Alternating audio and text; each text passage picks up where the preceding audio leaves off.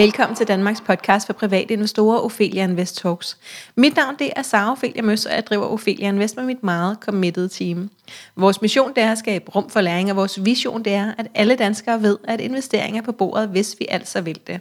Strukturen er, at vi udkommer 1-3 gange ugenligt på mandag, onsdag og fredag. Vi har tre forskellige spor. Vi har Analyze, hvor jeg snakker med aktieanalytiker Anders Esvang om enten en aktie, eller en børsnotering, eller et forretningsområde. Så har vi løn, hvor det er bare mig, der sidder og sluder i kvarter 20 minutter og prøver at gøre dig klogere på et eller andet. Det kunne være guld, eller aktiesparekontoen, eller bitcoin. Og så har vi interview, og det er det, det skal handle om i dag, hvor jeg snakker med en, der er meget klogere end mig, og prøver at gøre alle andre klogere samtidig. Dagens sponsor, det er Bait, et nyt skandinavisk sengetøjsbrand til alle, der går op i kvalitet og bæredygtighed. Dagens tema, det er, hvad skal der ske med vores penge, når vi ikke er her længere? Og det er jo ikke sådan noget, vi plejer at snakke om, fordi vi vil jo rigtig gerne øh, snakke om investering og alt muligt, og det er, sådan, det er noget, der foregår i nuet. Øhm, men, øhm, men det her med testamenter og så videre, Øhm, det er jo faktisk også en del af vores private økonomi, og det er et emne, som jeg gerne har vil snakke om, øh, faktisk siden vi startede, så, øh, så tre år. øh, men nu har jeg endelig fundet en, som jeg synes var den rigtige til at fortælle jer om det. Det er Sofie Emilie Lindenstjerne, der øh, er cyklet, cyklet, nok ikke cyklet, kørt fra øh, Ringkøbing øh, for at, at lave nogle ting her i København. Så jeg har fået besøg øh, herhjemme af Sofie Emilie. Og øh, hej til dig. Hej. Hej. Vil du ikke først og fremmest fortælle en lille smule om dig selv, din baggrund og hvad du laver til daglig? Jo, selvfølgelig, og tak fordi jeg måtte komme. Øhm, jeg er uddannet først og fremmest jurist ved Københavns Universitet, og, og er jo så sidenhen også blevet uddannet advokat, øh, som jo er en selvstændig øh, overbygningsuddannelse. Øh, jeg er indehaver og stifter af Milau Advokater APS, som er specialistkontor inden for familie- og arveret. Ja. Øhm, vi beskæftiger os faktisk ikke med andet, øh, og, og det er jo også blandt andet derfor, vi skal snakke om testamenter og fremtidsfuldmagter i dag. Mm. Og, og sådan er det tit med, med advokater, ikke? At, øh, at I vælger et eller andet øh, emne og specialiserer jer indenfor?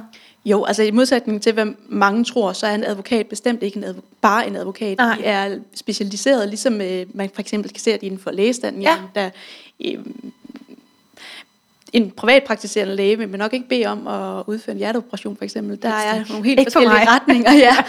øh, og, og sådan er det altså også med advokater. Øhm, der er så meget jure, så, mm. så hvis alle skulle vide alt om, om, om jure, jamen, ja. så, det vil så vil vi... Nej, det vil, det vil blive for omfattende. ja. Okay, og, og det at blive jurist, øh, det forestiller man, det må være noget, der sker på universitetet og tager fem år efter gymnasieniveau, ikke? Ja.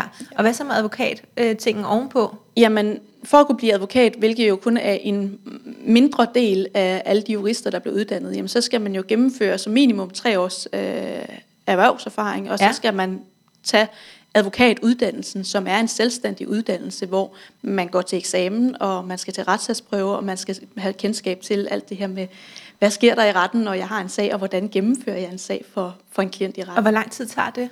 Jamen, samlet tager det mindst tre år. Ja, okay, og det så jo, man kan gøre det, man kan læse det der ved siden af, at man øh, får sin erhvervserfaring. Ja, altså det er en del af det. Man ja. kan, det, er, det er en betingelse for at kunne blive advokat, at man mindst øh, bor et år på et advokatkontor. Ja. Øh, for mit vedkommende har jeg også brugt noget tid i familieretshuset, så jeg har ikke siddet hele tre år på, øh, advokatkontor. på advokatkontor. Nej. Jeg har brugt øh, tre et halvt år for inden ved familieretshuset. Og, og, og nu må du heller lige forklare, hvad et familieretshus er. Jeg ved ja. det, fordi jeg helt tilfældigt var i praktik hos øh, i Randers Kommunes familieafdeling i forbindelse med at, min sociologuddannelse. Ja, øhm. altså familieretshuset, det er det, der tidligere var statsforvaltningen, øh, og før i tiden statsamtet.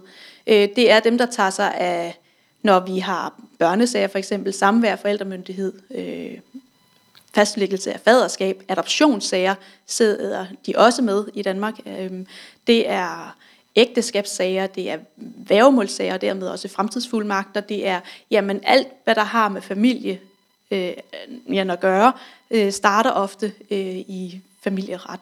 Det, det er rigtig, giver rigtig god mening at få noget erfaring derfra, så forestiller jeg mig, har det, så, det var så som jurist, at ja, du sad der? Ja, ja, det var det. Ja. Man kan sige, der kan, øh, som udgangspunkt sidder der ikke advokater nej, i nej, for der skal stillinger. ikke føre sager nej, på det niveau, nej. vel? Nej. Øhm, der er, har man jo en anden kasket på. Man skal jo ikke repræsenterer en part i familieretshuset. Der skal man jo helst være uvildig at træffe afgørelse, eller i hvert fald behandle sagen, så den kan blive videresendt til retten i dag. Ja. Øh, men familieretshusreformen opstod jo øh, i, i 18 og senere i 19, øh, hvor de så, den trådte i kraft den 1. april øh, 2019, og det, med det så oprettede man jo også familieretterne. Og det vil sige, på det tidspunkt blev en stor del af de sager, som familieretshuset, eller statsforvaltningen, som det hed før, behandlede, de blev jo så flyttet over i familieretterne, så, og dermed blev der også et, ø, en øget øh, brug af advokater på de her sager her. Okay, ja. yes. Øhm, vi skal jo snakke om, øh, om testamenter og det, der hedder fremtidsfuldmagter, som er noget nyt. Ja. Har jeg lavet med jer noget nyt? Yes. Øhm, og, og det ligger så ind under det, der hedder familie- og arveret, øh, i hvert fald testamenterne. Øhm, hvad dækker familie- og arveret over? Jamen, familieafret er jo egentlig en samlebetegnelse for øh, alle de forhold, som nu vedrører ens private anlægner. Øh, det vil jo så sige, jamen, familien, det vil sige, skal man skilles? Skal man have lavet en, en ægtepagt? Har man, skal man adoptere et barn? Skal man, har man problemer med, øh, hvem der skal have samvær med barn? Skal der være samvær? Skal, hvem skal have bopælen? Hvem skal have forældremyndigheden? Det kan også falde ind under, det er jo Der er også sådan noget ting. som børnebortførelser Ja. ja. og surrogatmoderskab og alt muligt. Det er sådan en samlebetegnelse, kan man sige, og, og det er jo så det, vi har valgt at beskæftige os Ja, med. og hvorfor har I det? Eller hvorfor har du det? Jamen, det har jeg jo nok, fordi jeg egentlig synes, at det er et hamrende vigtigt område. Øhm, Jeg tror ikke, at man kan komme ud og, og gøre en større forskel for almindelige mennesker, end man lige præcis kan inden for familiearveretten. Så det er nok i et høj grad spørgsmål om gerne at ville gøre en forskel. Øhm, Det er ikke så økonomisk baseret, man kan sige. Havde jeg virkelig ville ud, hvor de, de store penge var, så havde jeg måske søgt ud, hvor jeg skulle spalte nogle selskaber, eller lave nogle fusioner af en eller anden art. Ja. Øhm, men så på den måde, og det er jo også årsagen til, at familieafret som regel ikke er noget, de største kontorer har, har valgt at satse på. Nej, fordi Ja. der, ikke ligger, der er ikke penge nok i det. Det er ikke, det er Ikke de forhold- største penge. Nej, man skal nej. have flere sager for at nå, nå derhen. Ja, Men, og så skal man ville dem. Ikke? Mm. Altså, det er nogle tunge sager, og nogle gange kan man sige, der kommer man også i besiddelse af nogle oplysninger, som man skal være i stand til at lægge fra sig igen, Ja. ja. øh, når man ikke sidder med det. Det er klart, du kommer jo helt under, ind under huden, og også i nogle af de sager, hvor der er Ja. ja. grimme ting. Ikke? Ja. Det gør man. Ja. Øhm, jeg tænker, så har du et indblik i, hvad vi danskere typisk glemmer at forholde os til. Øhm, kan du ikke prøve at fortælle lidt om det?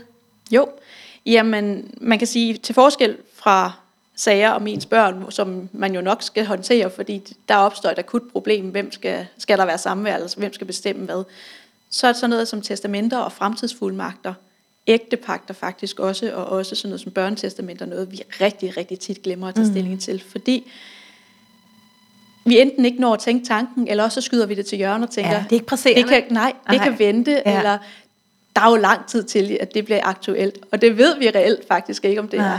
er. Øhm, så det er altid noget, jeg opfordrer folk til, også faktisk de yngre, øh, at, at få taget stilling til. Ja. Og særligt, hvis man har børn. I det øjeblik, man får børn, så bør man virkelig øh, begynde at gøre sådan nogle overvejelser. Hvis ikke for ens egen skyld, så i hvert fald for, for barnets og for alle dem, man efterladers skyld. Ja. Fordi det er jo faktisk dem, man, man i høj grad gør det for. Det er jo faktisk ofte ikke for en selv, fordi når man selv er væk, jamen, Så er det lige meget. yes. så mærker man ikke til Nej, nej. Nej. Okay, øhm, og øhm, jeg tror måske også, at mange af os, vi, øhm, vi glemmer, øh, hvem det er, der egentlig så arver efter os, hvis vi ikke selv har taget stilling til det. Øhm, men hvem arver efter hvem, hvis vi ikke gør noget? Man kan sige, at hvis man ikke gør noget, jamen, så følger det af arvelovens almindelige regler. Og arveloven det siger, jamen, har man en ægtefælle, så vil ægtefællen arve halvdelen af alle de aktiver, man nu har, når man har fraregnet gæld, vel at mærke, gjort bodelene op. Og, og den anden halvdel, den vil gå til lige deling mellem ens børn. Det vil sige, har man et barn, arver barnet halvdelen, men har man tre, jamen, så arver de jo så en sjettedel hver af den beholdning, man efterlader. Ja. Øhm, ønsker man en anden fordeling, jamen så er det jo, man, man bør tegne et ja. testament. Hvad, hvis man, øh, hvad hvis man bare er gift og ikke har børn? Jamen så arver ægtefælden alt. Og hvad hvis man øh, hverken er gift eller har børn? Jamen, jamen så er spørgsmålet jo så, har man en samlever? Fordi en samlever vil ikke arve noget som helst til forskel for en ægtefælle. medmindre man laver et testamente. Så, og det er der jo også nogen, der ikke, der ikke ved, at uanset hvor lang tid man har boet sammen med en samlever, øh, og måske så også man har, ikke retten til, til noget. Nej, og måske heller, og man har købt måske børn sammen, så arver samleven altså ingenting, medmindre okay. man laver så, testamente. Så hvis man... Men og arver har man heller ikke en samlever, jamen så er det jo så øh, ens forældre, der arver. Øh, er ens forældre gået bort, jamen så er det søskende, øh, og derefter deres børn, øh, og deres børnebørn osv. Okay. Øh, det kaldes for udarvinger, øh, til forskel fra ens egne, som er livsarvinger. Øh, kommer vi endnu længere ud, og man siger, at vi har hverken søskende eller forældre tilbage, jamen så er det ens bedste forældre. Men de vil jo så formentlig heller ikke være der, hvis, hvis ens forældre og... Ja, det, ja, kan det er jo så et spørgsmål. Kan de så det kan jo så ske, ja. ikke også? Hvad, hvis Men ikke fætter og kusiner, de er ikke de aldrig. De arver aldrig øh, så, medmindre man gør noget aktivt. Okay, så det vil sige, at hvis der ikke er nogen andre, og man kun havde fætter og kusiner, så går pengene til staten i sidste ende? Ja, det gør den nemlig. Øh, og det okay. skal man jo være opmærksom på, ja. fordi at dem, de situationer står vi jo en gang imellem i. Jeg tænker, det er de færre, af tænker, at øh, det skal være staten, der arver efter mig. Ja. de, de tager hele, igennem hele livet. De skal ikke også have det aller sidste. Jeg havde lige et, et spørgsmål til, inden jeg har flere spørgsmål, men et meget specifikt til det her. Hvis man har samlever, og man, altså hvis man er to samlevende, og man har børn, ja. hvad så? Jamen, så er det jo børnene, der arver det hele, hvis man ikke har tegnet testamente.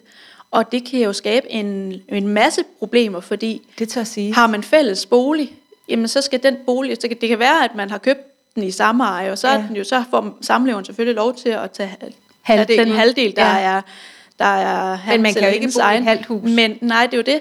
Og den anden halvdel, den skal jo så udbetales i arv til børnene, ja. som jo i princippet, hvis man ikke har lavet et børnetestamente, står på en fuldstændig lukket konto, øh, til børnene bliver myndige.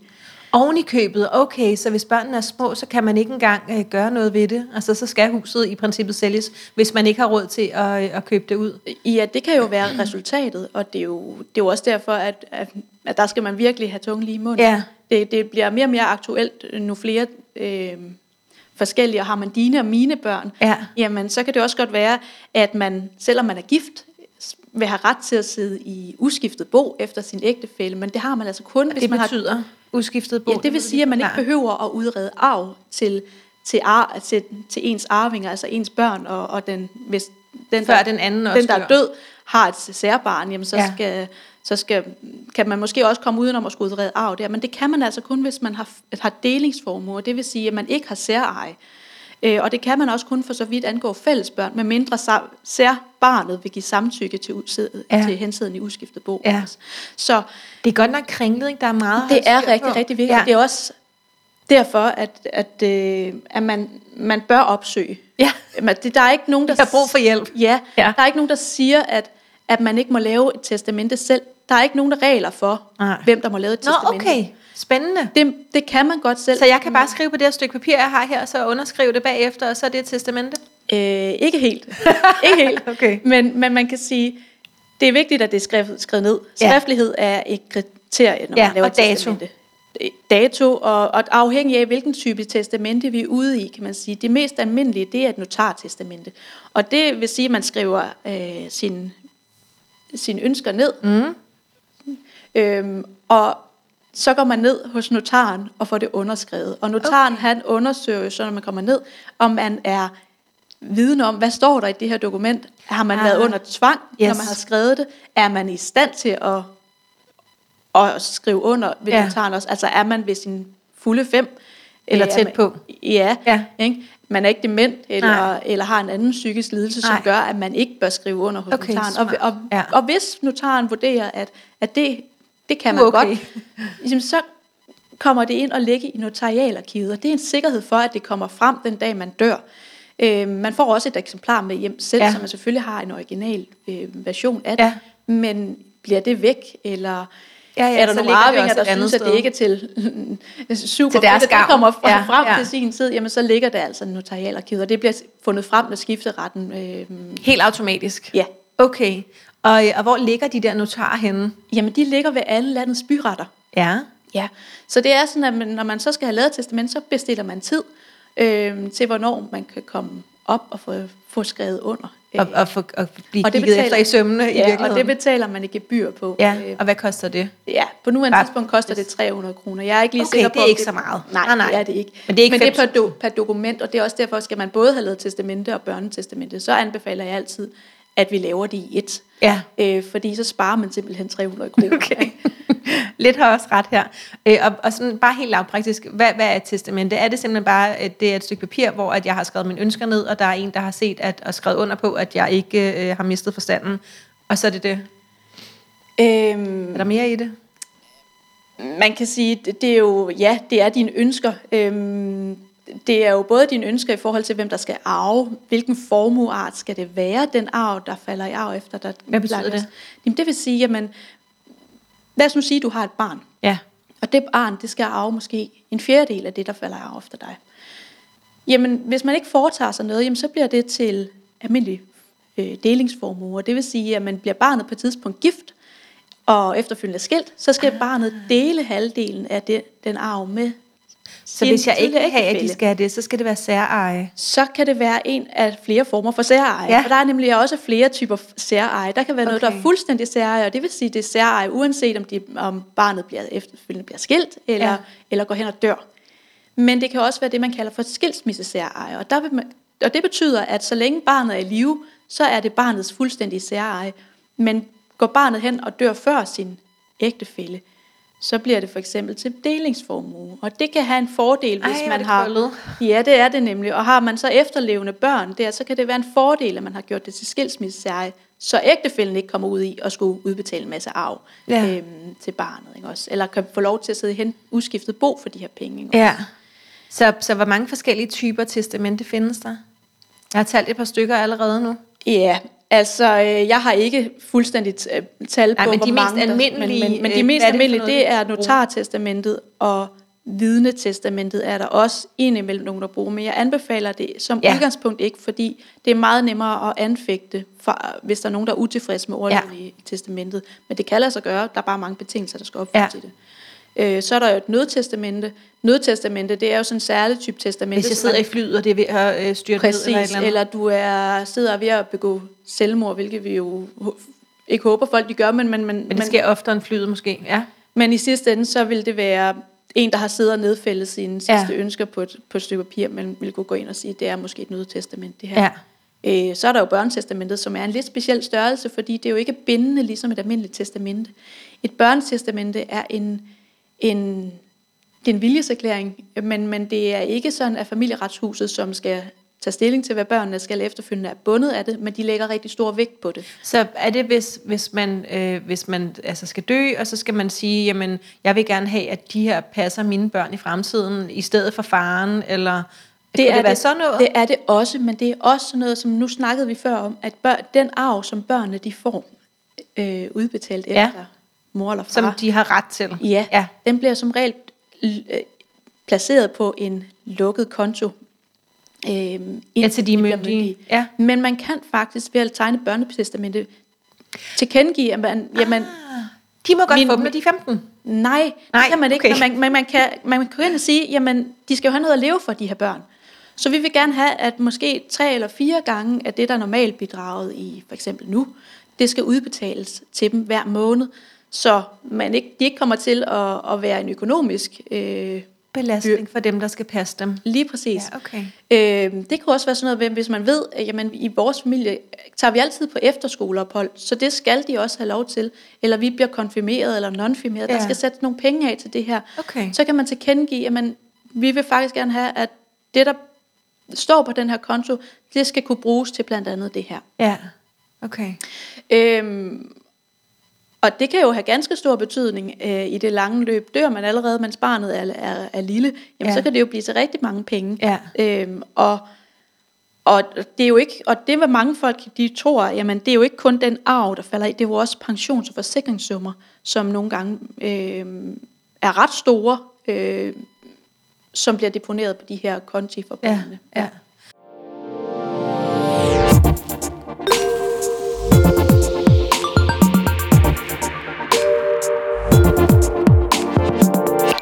Ophelia Invest Talks er sponsoreret af Abate, et nyt skandinavisk sengetøjsbrand til alle, der går op i kvalitet, bæredygtighed og minimalisme.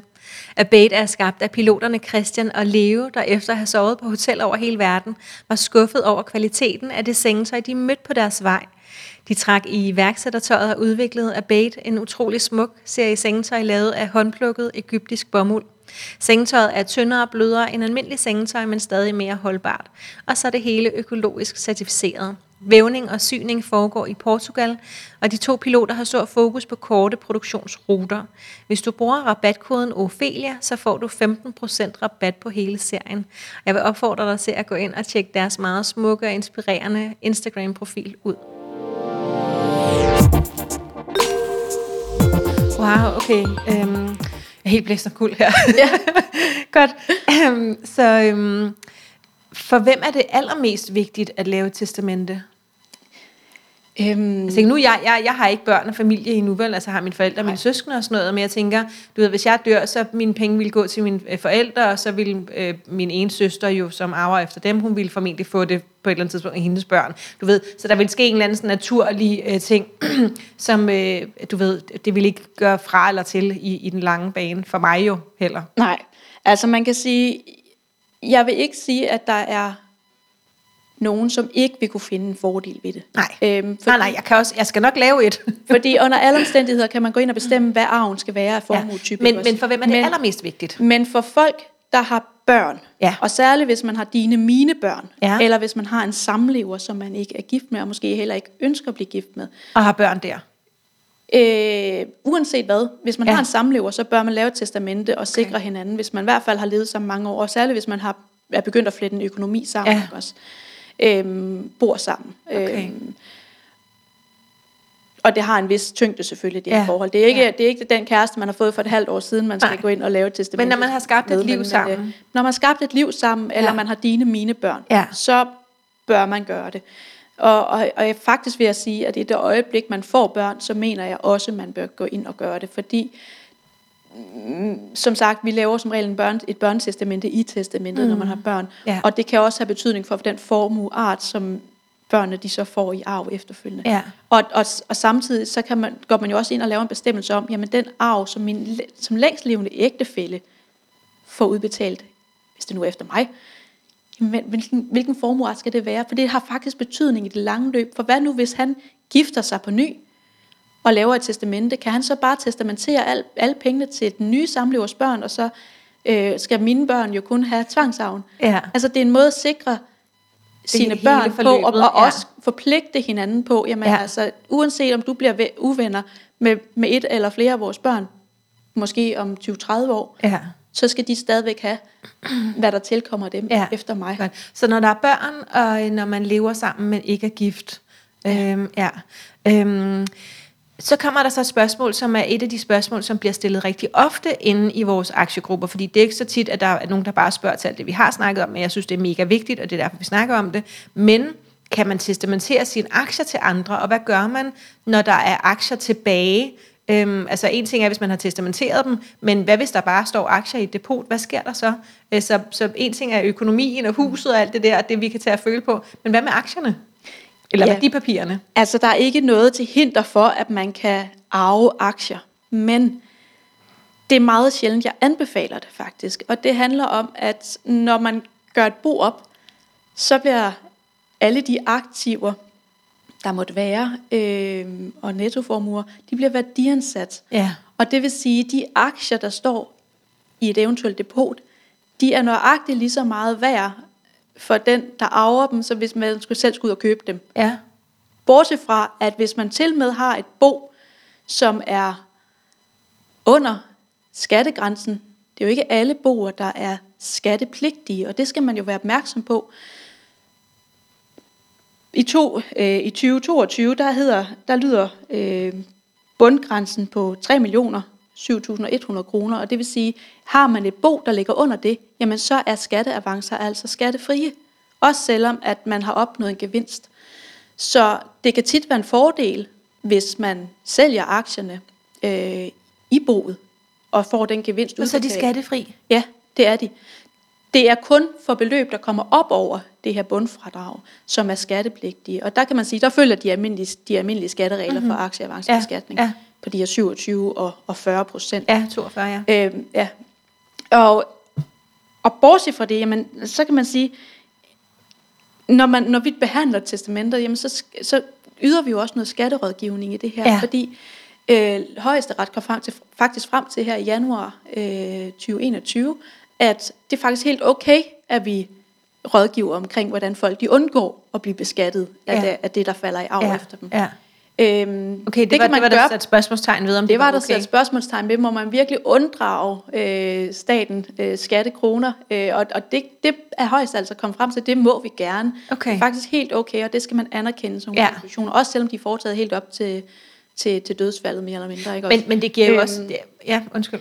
så kan man sige, ud over sk- skatten, så er der selvfølgelig noget arveafgift, øh, og, og der er en, et bund øh, fradrag på, på lige godt, lidt, lige lidt over 300.000, 312 et, halvt af den i 2022. Før man skal begynde at betale arveskat. Arveafgift. Arveafgift. Fordi der er jo både skatter og afgifter i dødsbo. Mm-hmm. De fleste dødsboer kan man have med held og lidt rettidig omhu komme under skattegrænsen med. Øh, og det kan jo også være et spørgsmål om, at hvis man har en meget stor aktiebeholdning, så kan det være en god idé, at man måske, hvis man ikke har fast ejendom, man kan sælge ud af, øh, det kan man jo også gøre ja, men man til et favorabelt de her 3 millioner. Ja. Ja, det kan man jo gøre favorabelt, for hvis man ved, man har for eksempel et sommerhus, der skal overgå til noget familie, så kan man jo gøre brug af den ordning, der hedder, at man kan sælge den til den offentlige vurdering minus 15 procent. ja. Så man kan sælge det videre billigt. Det kan man nemlig, Ja. og hvis man nu vel- alligevel ved, at det skal falde i arv, men så kan man jo gøre det i levende liv, og Ja. dermed få bragt sin, behold, sin aktivmasse og sin nettoformue ja. betragteligt ned. Kan man ikke det, jamen, så kan det være nødvendigt, at man går ud og sælger sine aktier. Men man behøver jo ikke at sælge mere end højst nødvendigt. Man skal jo bare under grænsen. Ja. Lige så Øh, snart du er over de 3 millioner, så giver det ikke nogen mening at sælge resten for så vidt, fordi at det, så skal, bliver du beskattet af det. Øh, ja, altså det, der falder over de 3 Ja, millioner, ja. det skal man helst af med. Øh, og, det er jo, og det skal jo være de 3 millioner, der er på skæringsdatoen. Det vil sige, det er altså ikke på dødsdagen, Nej. hvilket der er mange, der tror. Det er ikke på det tidspunkt, man dør nødvendigvis, man regner ud fra. Fordi det kommer an på, hvornår man sætter skæringsdatoen til at være til. Ja. Ikke? Øhm, jeg vil rigtig gerne have, at vi lige når at, øh, at for, fortælle, hvad det her en fremtidsfuldmagt er, fordi øh, det er jo noget, som, som er lidt nyt, øh, og, øh, men også noget, som faktisk øh, er ret relevant. Så kan du lige prøve at sætte et par ord på, hvad en fremtidsfuldmagt er, øhm, og, øh, og hvem, der, hvem der skal have sådan en? Jo, jamen det bør vi faktisk alle sammen gå ud og få lavet, fordi okay. der er jo ikke nogen i Så sig, hvad det er først. Ja, en fremtidsfuldmagt, det er en tilkendegivelse om, hvem skal tage sig af mine personlige og eller økonomiske forhold, hvis jeg en dag ikke selv kan. Og det vil sige, det er ikke at sammenligne med et testamente. Det her, det gælder, mens man stadigvæk er i live, Ja. hvor testamentet, det gælder først, når man er død. Ja, Øh, fremtidsfuldmagten, det bør vi alle sammen få lavet, fordi der er jo ikke nogen, der kan sige sig fri for, om vi bliver ramt af demens, eller en hjerneblødning, eller et, kommer ud fra et trafikuheld Ja. ja. og bliver hjerneskadet. Øh, noget af den dur, som gør, at vi af den ene eller den anden grund ikke kan selv. Øh, så det bør alle simpelthen gå ned og få lavet, og det skal man få lavet i god tid, fordi når først man ikke er i stand til det, så kan man ikke gå ned og få, få underskrevet den hos notaren jo. Så, så der skal vi altså være ude i god tid. Ja. Og det nytter heller ikke noget, man siger, jamen jeg har en begyndende demenssygdom, øhm, så nu går jeg ned og får den lavet, og så kan det være, at den går så hurtigt, at om tre måneder, så vil jeg have den sat den i kraft. Fordi det siger praksis bare, jamen så har man fra familieretshuset underkendt den og sagt, jamen så var du nok også begyndende dement allerede, ja. da du fik ja, den lavet. okay. Så selvom den måske er blevet Og underskrevet, hvad, så hvad sker der, hvis det. vi ikke laver en fremtidsfuldmagt? Jamen, alternativet det er, at der skal udpeges en væve øh, gennem familieretshuset. Og, og, og en væve er jo ikke nødvendigvis en af vores nærmeste. Det kan man jo vælge, at det skal være, hvis man laver en fremtidsfuldmagt. Ja. Det kan også godt være en, en, en ens nærmeste, der bliver udpeget som væve. Men det ved vi ikke. Men det er meget mere frit, fordi Ja. Det er jo familieretshuset, der i sidste ende skal tage stilling, for de kender ikke vores ønsker. Vi har ikke skrevet dem ned på forhånd. Og det tager meget længere tid at få Mm. etableret et vævemål. Det er også underlagt nogle helt andre krav. Man kan sige, at en væve skal aflægge et, et årligt regnskab. Der er et aktivt tilsyn med væver. Det er der altså ikke ved fremtidsfuldmægtige. De har det, man kalder for et hvilende tilsyn, det vil sige, at familieretshuset går kun hen og kigger det efter i sømne, hvis, det, hvis der er nogen, der gør opmærksom på, at noget er i uorden. Ja. Ja. Godt, okay, så vi skal, vi skal have lavet et testamente. Det er særlig vigtigt med et testamente, hvis vi har børn eller bor sammen, men ikke er gift. Og vi skal alle sammen have lavet en fremtidsfuldmagt, fordi ellers ved vi ikke, hvem der tager sig af os, øh, sørger for, at øh, vores bedste ønsker øh, bliver taget i højde. Det kan jo være sådan noget som hjælpemidler for kommunen, hvis man ikke kan selv. Det kan være et spørgsmål, har man fast ejendom, der skal sælges? Er der arv, der skal give afkalds på? Det kan jo være nødvendigt, fordi vi ikke skal betale en ekstra arveafgift, hvis vi alligevel ikke kan bruge pengene. Så skal den, der betales til gang to. Ja. Alt sådan noget, ikke også? Hvad, hvad synes du, at det, altså tiden er simpelthen øh, gået her? Ja. det er så spændende. Øh, jeg har tusind flere spørgsmål, men øh, jeg er jo heldig, at øh, jeg kan stille dem på vej ud af døren her. Øhm, hvad synes du er det vigtigste, vi skal, øh, vi skal tage med os øh, i, i forhold til det her? Øh, og hvor kan vi få hjælp henne? Nu, nu har du et, et advokatfirma, men kan vi ringe til, til alle advokathuse og sige, jeg har brug for hjælp til det her, og så kan de måske sige, jamen vi har ikke nogen, der sidder med det her, så det er ikke os, du skal have fat i. Helt lavpraktisk, hvad skal vi gøre nu? Jamen, det er jo et rigtig godt sted at starte og sige, at jeg skal have fat i en advokat. Desværre så ser jeg også, at der er rigtig mange udbydere, der ikke er advokater, der begynder at lave de her dokumenter. Og det skal man måske også være lidt påpasselig med, for man får altså ikke den samme rådgivning. Man, man får, tjekke, at der sidder advokater. Står der ikke advokatfirma, så er det ikke advokater, der sidder der, fordi okay. advokat er en beskyttet titel. Okay. Øhm, og det skal fremgå af virksomhedens navn, hvis det er et advokatfirma. Okay, allerede navnet simpelthen? Ja. Okay, så det gør det jo nemmere. Det gør det, og der skal man virkelig være holde mund, tung lige i munden, fordi vi er jo omfattet af ansvars- og garantiforsikring. Det er ja. almindelige jurister ikke. Nej, okay. Øhm, vi er også omfattet af, af tavshedspligt, krav til efteruddannelse og sådan noget. Det er almindelige jurister altså ikke. Og hvad Så, koster det at få lavet et testamente eller en fremtidsfuldmagt? Det er forskelligt fra kontor til kontor. Ja, men øhm, et eller andet prisleje? Ja, koster altså, det, ja. For vores vedkommende, der tager vi 4.500 for at lave et testamente. Ja. Vi tager 2500 for en fremtidsfuldmagt. Okay. Øhm, og så er det og det, så, så får har man, vi, hvad vi skal bruge, så får, bliver vi rådgivet og så videre. Ja, så får man en rådgivning, og samtidig så hjælper vi jo med, hvis man har problemer med at skal have fat i notar, hvordan kommer ja. vi, hvad gør, den ja. gør vi, alt det praktiske. Ja. Og så laver, yder vi jo også noget skatterådgivning omkring ja. sådan noget som testamenter. Ja. Det kan man altså ikke forvente, en almindelig jurist gør. Nej. Øhm, okay. Ja. Godt. Så tænker jeg, at øh, om, omkring en, en 4-5.000 for et testamente og en 2-3.000 for en fremtidsfuldmagt, og så skal der stå advokatfirma i øh, navnet på, på selskabet, som vi henvender os til. Ja. ja. Tusind tak, fordi du ville være med. Jamen selv tak. øhm, Ja, nu får jeg bare lyst til at sige, husk at gøre alle de her ting, det er jo mega vigtigt, øh, særligt her i, øh, i, altså i december måned er vi jo sammen med familien. Prøv at spørge, hvordan tingene ligger. I min familie ved jeg, at, øh, at der lige har været sket nogle ting her, så der er blevet lavet nogle testamenter, nogle fremtidsfuldmagter. Det var sådan, at det også kommer på min radar igen. Øhm, så, øh, så prøv at tage en snak med det, lad være med at, at lade det være et tabu, øhm, også selvom det måske øh, indeholder nogle samtaler, som vi helt med rette synes er rigtig svære at tage. Øhm, ja, du kan følge Ophelia Invest på Facebook, Instagram, YouTube og LinkedIn, hvilket virker sådan helt absurd at sidde og sige efter sådan en samtale her. Men, øh, men ikke desto mindre. Øh, hvis du gerne vil lære at investere, så kan du gøre det inde på opheliainvest.dk. Øhm, du er meget, meget, meget velkommen til at hoppe ind, måske særligt i Aktieklubben Danmark, en af vores fire grupper inde på Facebook, øh, og stille spørgsmål til, hvad andre gør der. Øh, måske spørg, om der er nogen, der har nogle gode erfaringer med nogle specifikke advokatfirmaer, et eller andet, whatever. Ja, den her episode var, øh, som jeg nævnte i starten, øh, sponsoreret af Bates, som er et øh, skandinavisk sengetøjsbrand, som laver noget meget, meget, meget smukt sengetøj. Du kan følge dem på Instagram. Og så er der bare tilbage at sige tusind tak, fordi du lyttede med.